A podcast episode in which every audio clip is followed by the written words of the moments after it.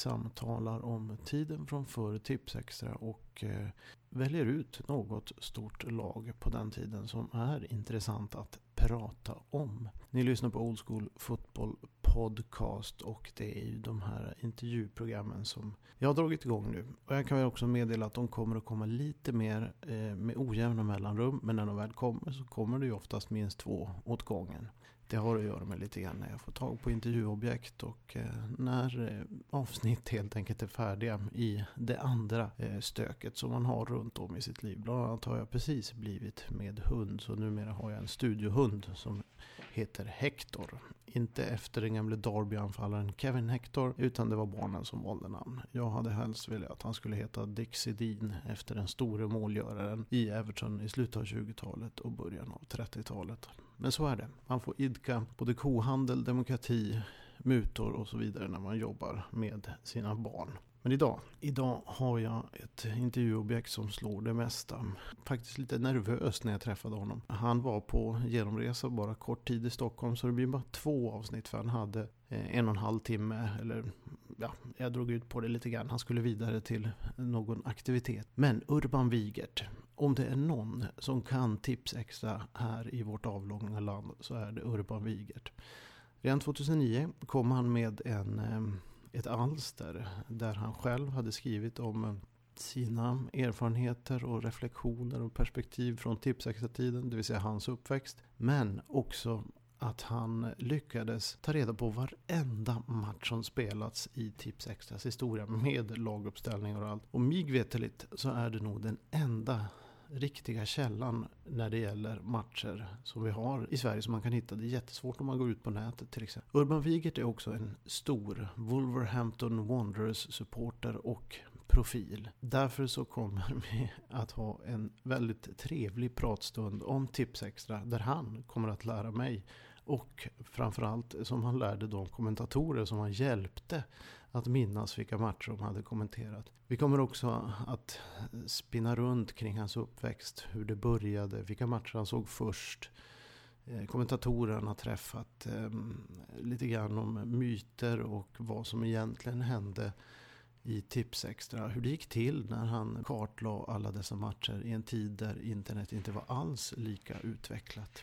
Sen kommer vi också i nästa avsnitt att gå in och ta ut våra bästa Wolves-älvor. Jag från min bok Tipsextra klubban och matcherna, Spelarna som ni mycket väl kan läsa och kanske till och med inhandla till julklapp skulle jag rekommendera. Det här är då oförblommerad reklam för min bok och det är därför jag kommer att ta Wolves-älvan. Men Faktum är att köper ni min bok så kan jag få lös ännu mer pengar till att göra poddar och alla de här andra grejerna som jag gör. Men nu, nu ska jag inte surra mer. Nu ska vi återgå till Tips Extras store expert. En fotbollsälskare och en oerhört trevlig man får man väl säga. För han är väl något år äldre än vad jag är.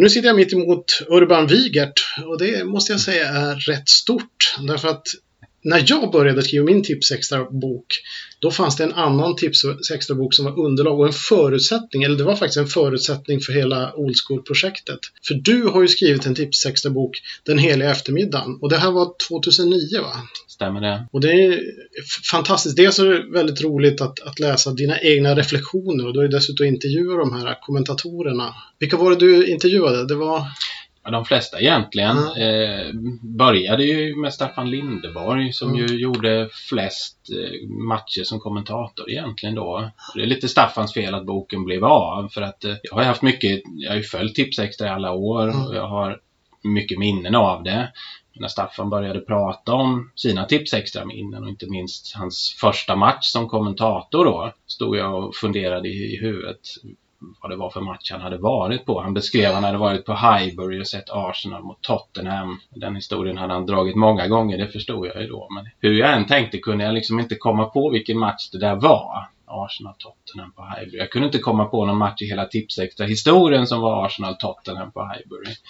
Så antingen var han någon annanstans eller så hade han fel lag. Så började jag ge några alternativ vad det skulle kunna vara. Om han var ungefär rätt i vilken säsong det kan ha varit. Så, ja, om man var på Highbury skulle det kunna vara Arsenal Nottingham då. Men om man inte var på Highbury mm. utan var någon helt annanstans kunde han ha sett Tottenham Arsenal på White Hart Lane. Och det visade sig vara det han hade varit. Jag gav honom förslag på målskyttar också. Steve Archibald gjorde två mål och det blev 2-0 till 2-0 den, den matchen kommer jag faktiskt ihåg. Det var... Nej, det, det måste ju ha varit tidigt det här. När Januari 81. Ja, men då kommer jag ihåg den. Då kommer mm. jag ihåg den. Det var, Steve Archibald var ju lite grann en, eh, inte favorit för att säga, för att han, jag, jag tyckte det var, det var, en skotte som var liksom skäggig mm. och rödhårig. Som jag inte tyckte var sådär magisk fotbollsspelare, men han gjorde mål. Han gjorde mycket mål, ja. Hela precis. tiden. På rätt plats på något vis, ja. Och ersatte Diego Armando Maradona i Barcelona faktiskt. Också en intressant vinkling på det, ja. ja Absolut. Så, ja, men det var, så, det var så du kom in på boken. Och det, ja. det roliga med den här boken är att dels är det liksom personliga reflektioner från din uppväxt kan man mm. säga när du har sett Tips Extra. Dina favoritupplevelser och liknande. Och sen har du gjort ett arbete som är helt extremt. Så det finns ju nästan inga källor på nätet om Tips Extra-matcherna. Jag tror det går inte att hitta. Du har alltså gått igenom alla Tips Extra-matcher genom alla tider från 69 till 95. Ja. Med laguppställningar. Precis. Och då, när, när, hur gick det tillväga när du gjorde det? Ja, men det, det började liksom, jag, jag är född 69 själv ja. så att jag började ju inte, många frågar det, ja men började du titta första matchen? Och nej, jag var fem månader gammal då så det gjorde jag ju förstås inte då i november 69 där. Men jag började titta när jag var fem år ungefär. Och redan tidigt liksom, det, det fastnade. Dels så mm. fastnade jag för Tips Extra då. Och sen fastnade de matcherna jag såg. Mm. Jag liksom kan fortfarande minnas en hel del ifrån det. Nästan mm. mer än ifrån senare matcher. Det, mm. Och det är väl, jag tror att du känner igen en del ja, i det. Alltså de här tidiga upplevelserna, de, de sitter verkligen hårt i alla fall. Så att jag började med det där. Och sen har jag haft de här, jag har liksom bra kom ihåg rent mm. allmänt kan man väl mm. säga. Så när andra sen har kommit långt senare och sagt ja, jag kommer ihåg jag såg en match då och då. Och så. Eh, Manchester City vann med 2-0. Nej, de förlorade med 3-1. Men, alltså, jag har inte något sånt behov av att ha rätt, men det är klart att om en person mm. tror att eh, man har ett minne och så visar det sig vara något annat. Mm. Det var ju samma med Staffan här, hans mm. historia, om han går omkring och berättar fel i hela sitt... Alltså det blir jättekonstigt. Nu tror jag att hans historia i praktiken blev bättre. För han var där och jag var, vad var jag då, 11 år, 10-11 år. Och eh, kommer ihåg hur det var. Mm. Men han inte gjorde det. Så han konstaterade, det var vårt första möte faktiskt. Ja. Vi hade aldrig träffats innan dess, innan vi kom in på att prata tips extra den här gången. Minnet är ju lite speciellt för det, det som, man minns oftast jag tycker man minns oftare fel än man minns rätt. Alltså ofta så måste man gå tillbaka och titta hur det verkligen var. Jag gick ju i föreställningen att eh, jag hade sett eh, Manchester United mot Everton spela där någon gång på 70-talet. Mm. och att jag hade sett Dave Thomas i Everton och Mickey Thomas i Manchester okay. United spela mot varandra. Mm. För de två kommer jag ihåg. Men när jag tittar i den där, då, då, under den tidsperioden så har de inte spelat mot varandra Nej. i den här konstellationen. Jag kan tänka mig det. Jag har en känsla av att Dave Thomas kan ha lämnat Everton också innan Mickey kom till, yes. till United. Mm. Rent liksom logistiskt så. Ja, alltså det var, det var en, och det var en sån här minnesbild jag hade. Att det var så. Typ mm. 16 hade ja, fastnat för mig. Jag var helt övertygad om det. Ja, och det finns många exempel på det. Det är många som hör av sig till mig med olika frågor och sådär. En episod som många minns. Det brukar vara en sån här eh, Youtube-favorit nu ja. när man ser Francis Lee och Norman Hunter börja slåss med varandra när Derby mötte Leeds. Det var ju väldigt mycket rivalitet mm. dem emellan. Det är många som menar att det där såg jag i Tipsextra en gång. Det, det var ingen mm. Tipsextra-match. Det har man sett på andra vägar då. Mm. Det är typiskt. Ja. det, det, det ju... finns en hel del sådana minnen. ett fantastiskt slagsmål. Jag läste, vad heter han, um, Roy Mac. Alltså, mm, Roy McFarlane. Roy McFarlane, han som var centerhalv då i Derby. Och deras lagkapten. Han var ju skadad då. Fick han ta hand om Francis Lee eh, och i princip stänga in honom i omklädningsrummet för han skulle ut och eh, ge sig på Norman Hunter. Mm. Eh, och Leeds var ju rätt, de kunde ju, speciellt Norman Hunter kunde Mm. ju vara rätt ful på den tiden. Precis. Så är det. Man skulle gå förbi honom på rätt sida. För med högerbenet tacklade han inte lika bra. Men fick han tillfälle att slänga ut vänstern, då var det rätt kört tror jag. Ja, för Åtminstone om man ska tro en del berättelser från 70-talslirare där. Man säger att han var en buse rakt igenom, men han var faktiskt en väldigt bra spelande Absolut. mittback. Men han kunde bara spela med vänster, Absolut. inte med högern. Det var ett stödjeben. Ja, det verkar så. Nu har man ju liksom, sen jag skrev boken så har ju YouTube exploderat.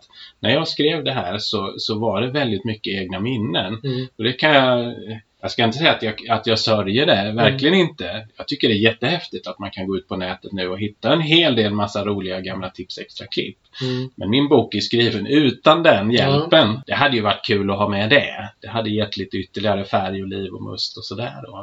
Men ändå. Så, Det började väldigt mycket utifrån det här att ja, man har koll på fakta. Ja. Det, det har betydelse för många supportrar, så ja, är det.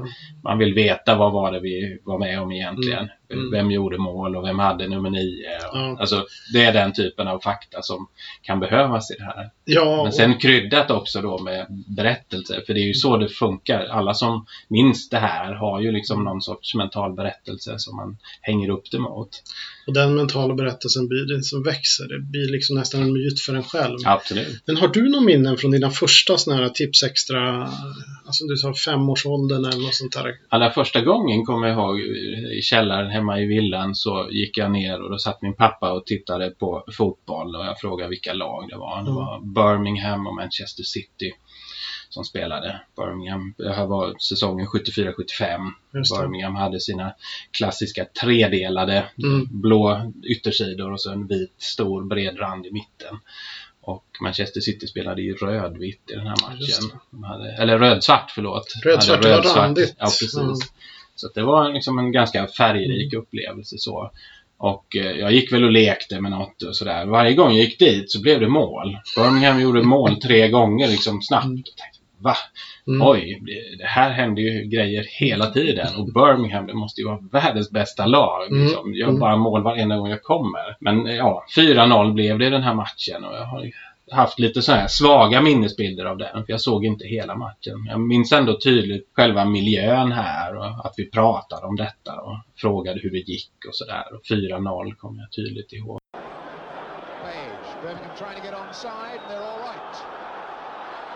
Yes, and Kendall scores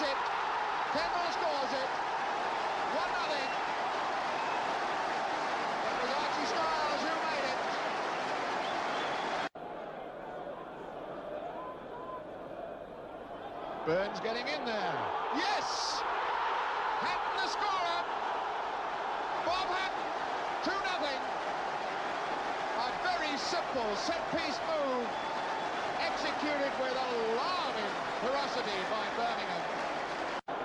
Some of you really struck that one firmly. Burns, good knock on. That's Hatton. He's in for his 100th league goal.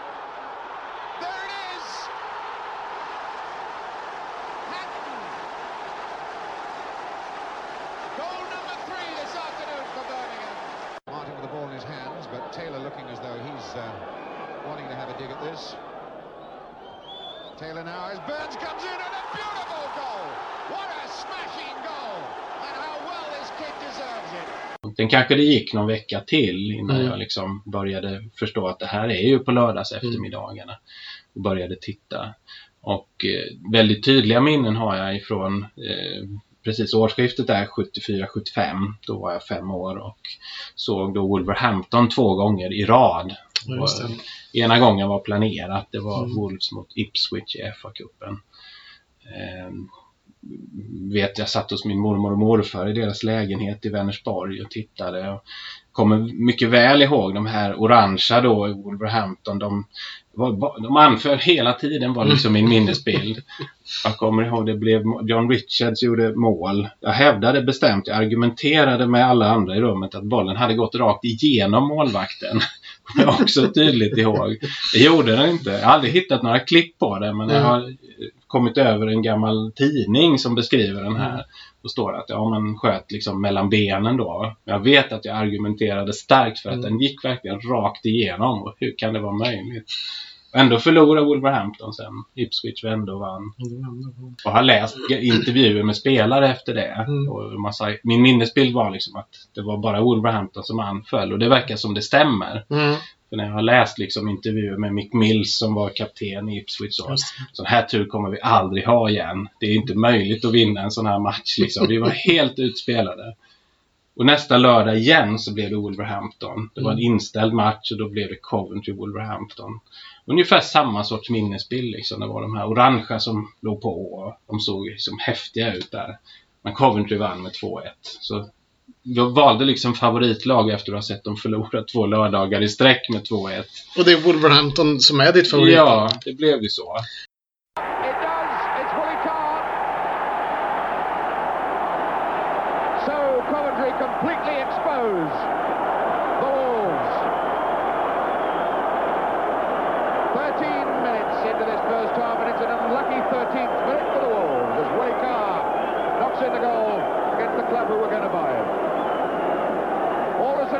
Had poke at it, came up off Parks, high in the air, might have gone over the bar, but there was Carr waiting underneath and nodded into the empty net. They're level in corners now. But Wolves behind on goals. Wagstaff. Kindon got a touch. And there is Kindon stabbing the winner and Cross the man that they're all hammering at. Larry Lloyd having a right go at Cross as Kindon equalises.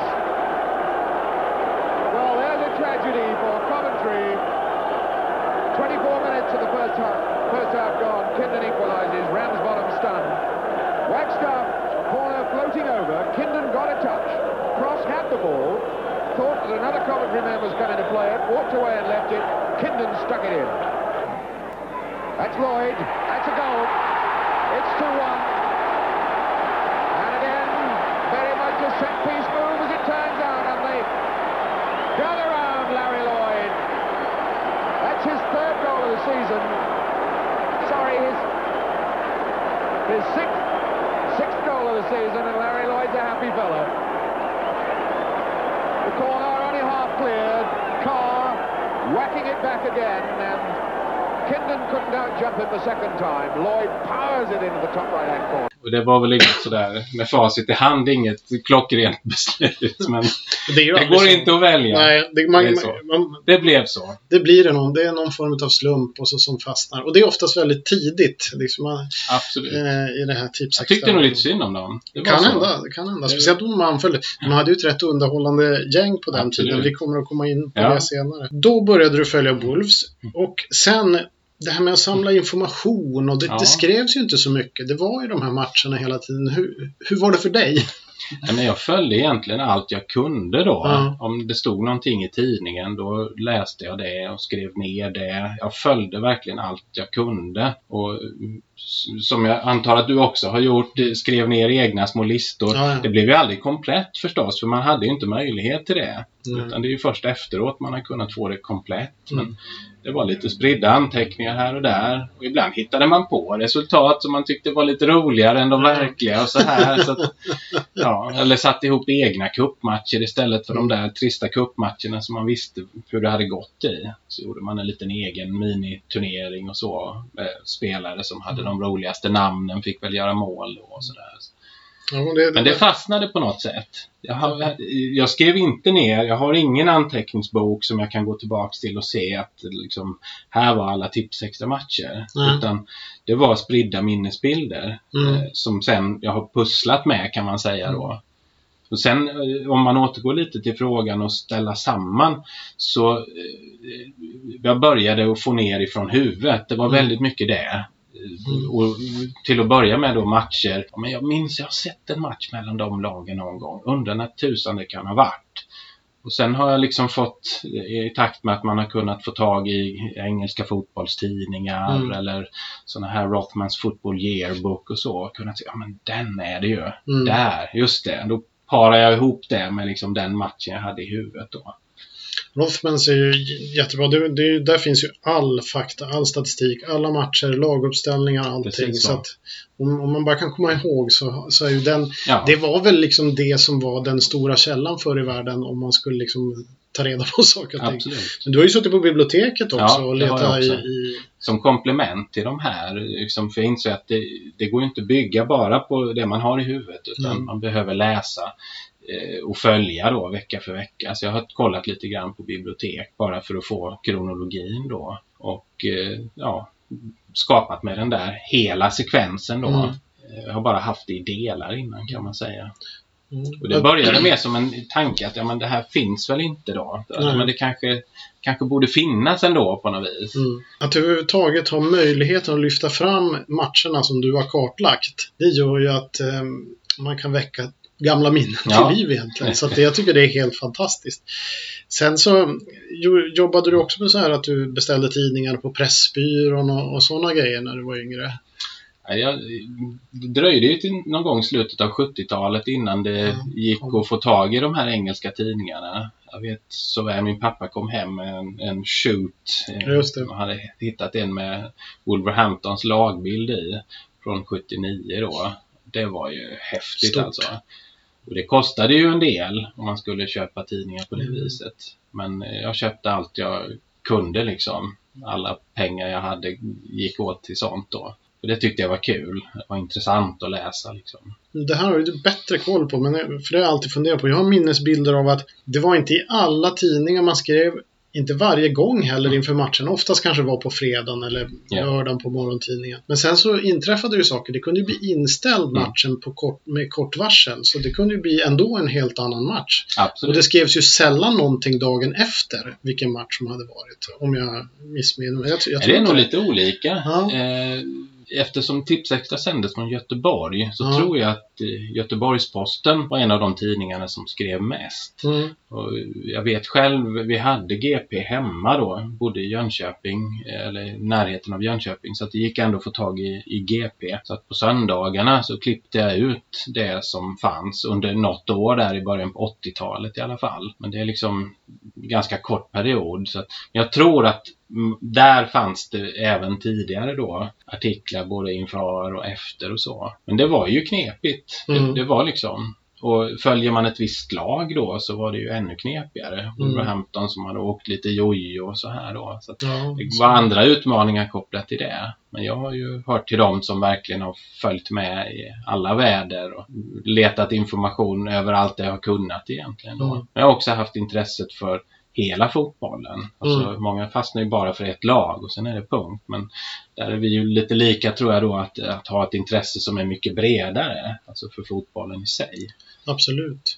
Och sen om man tittar på, på dig, du, du har jobbat som journalist och så att du har det med dig. Har du Ja. skrivit sport också liksom rent generellt? Nej, var förutom inte, inte re- renodlat som Nej. sportjournalist. Jag har jobbat mycket lokalt istället. Så att journalistyrket har varit mer kopplat till det där nyfikna, eh, liksom se, vad ska man säga, i det lilla kan man se spännande saker. Mm. det tänket tror jag även när det gäller Tipsextra har gått att ta med. Mm. Alltså, att det finns saker att berätta även i något så i vissas ögon urtråkigt som en lista med gamla fotbollsmatcher som är avgjorda för länge sedan och Mm. knappt någon kommer ihåg. Varför skulle man vilja komma ihåg det? Men att det finns bra historier i det, det tycker jag ju och det får jag jättemånga kvitton på hela tiden. Och Ja. samma tycker jag när det gäller journalistarbetet. Mm. Det här lokala, det, är precis på samma sätt. Alltså. kan hitta historierna där. Precis så. Och om du jämför ditt fotbollsintresse när det slog igenom, när du var i den här formativa åldern. När jag blev i alla fall nästan besatt under en period. Men liksom, har det smalnat av eller har det liksom, hur ser det ut idag? Jag är ju intresserad men jag följer inte riktigt lika intensivt. Jag Mm. har ju mitt intresse för Wolverhampton då, det släpper jag ju inte. Och eh, följer alla matcher.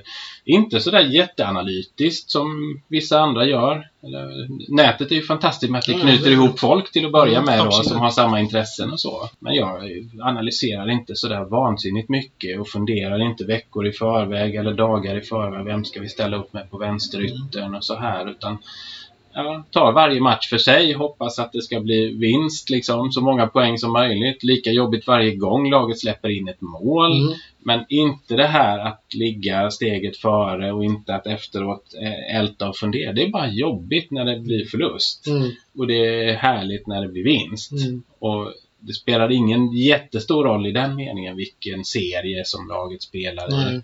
För det är alltid lika viktigt att vinna nästa match. Liksom. Mm. Så att eh, rent supportermässigt ser det ut så. Jag har väl aldrig riktigt fastnat i det här med Champions League och så Nej. vidare. Det är liksom en lite annan sport på något sätt. Mm. Det är lite mer förutsägbart på något sätt. Och det är lite, ja det är som en annan sport på något vis. Mm. Det är astronomiska summor och det är Mm. mycket runt omkring som jag tycker känns konstigt med det mentala spelet eller vad man ska säga. Det var på något sätt lite rakare och ärligare förr än vad det kanske är nu då. Man är väl lite mera, man var närmare eh, oss vanliga människor på något vänster eh, kan jag tycka. I alla fall framförallt i England tror jag att det var så, men jag kan tänka mig att det var så överallt annars också. Och du är ju dessutom eh, engagerad i Wolves supporterklubb i Sverige. Ni är ju en ganska aktiv eh, supporterklubb, har jag förstått. Jo, men det är en väldigt aktiv supporterklubb. Det är ju fantastiskt nu och liksom, man tänker ju att man är lite ensam då när Ja, man sitter hemma på kammaren och det är inte så många som följer ett sånt lag. Så inser man att oj, det finns ju jättemånga Mm. och som finns lite varstans. Och nät, det är ju fantastiskt med det. Vi gör ju lite resor och sådana saker och det är väldigt kul för eh, alltså Wolverhampton det är ju inte en liten klubb. Alltså, även en klubb som inte är bland de mest kända idag och största idag är ju väldigt stor. Det ska man ju komma ihåg. Mm. Men det finns en eh, känsla ifrån klubbens sida för sina svenska supportrar. Vi har liksom hängt med länge, stöttat laget i med och motgång, ganska mycket motgång. Ni har varit ner en bit. ja, men lite så. Ja. Och eh, reser över, vi knyter Mm. kontakter och eh, är nog ganska allmänt hyggliga och trevliga kan man nog Mm. säga. Så Mm. generellt så har vi haft tillgång till väldigt mycket även bakom kulisserna och så vidare då och kunnat träffa folk med inflytande i klubben på ett sätt som jag tror är ganska svårt för, för många andra. Mm. Och visst, det, är inte, det finns större klubbar men det är ändå väldigt stora klubbar vi pratar om. Stora företag liksom med väldigt mycket pengar. Jag känner igen det där. Everton är ju mitt lag och, och eh, det är ju samma sak där. Det, det är ju en väldigt stor klubb. Mm, verkligen. Och, och ser de, om de skulle säga det själva så är de kanske den största rent historiskt Mm. tycker de. Det, det kanske vi inte Absolut. är. Men, men det, det går ändå inte att kanske jämföra med de här Champions League-klubbarna där du har alla pengar. Mm. Men ändå, Wolves och Everton är stora klubbar. Men just den här, då, jag vet inte om det är engelsmännen som har förmågan att få oss att känna sig välkommen hela tiden. Jag, ty, jag tycker de är jätteduktiga på det Verkligen där på det. bjuder upp, öppnar upp och sen har du hela det här kopplet med spelare innan de stora pengarna Mm. som gärna kommer och Absolut. drar historier Ja, och sådana grejer som är häftigt. Vilka har du varit med och träffat när det gäller Everton? Ja, jag träffar Kevin Sheedy, Graham Sharp, vi ska träffa Pat van den Hove nu. Det blir spännande. Mm. Ja, del Joe mustiga historier kan jag tänka mig. Ja, det, det, det är det som, det är något som vi inte riktigt har i Sverige, men det här med after dinner speeches, det är Mm. de ju fantastiska på Jajamän. där borta. Och de har ju bland annat Duncan McKenzie, en lirare, och du känner till honom på Mm. Absolut. 70-talet. Han gjorde inte så många säsonger i, i Everton, men han är ju ihågkommen. Mm. Och han är ju rena rama stand-up komikern. Han har ju, tror jag, varit flera gånger när vi har varit där. Det. Och ibland, någon gång träffar han utanför arenan och han direkt bara så det. han sig och börjar dra historier. Ja, Och sen kommer hon ah, fan, jag måste hem, vi ska grilla.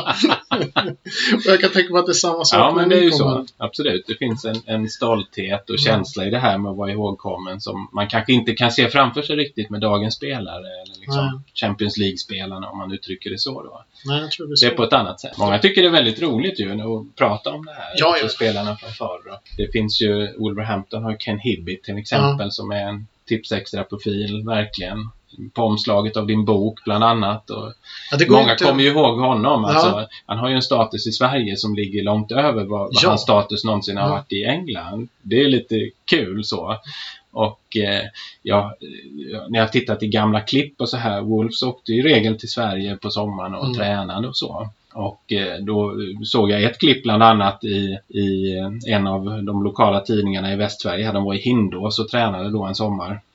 De var 75, 76, 77 Mm. bland annat. Och då var det en rubrik, det stod det bara världsstjärnan Hibbit nu i Hindås liksom.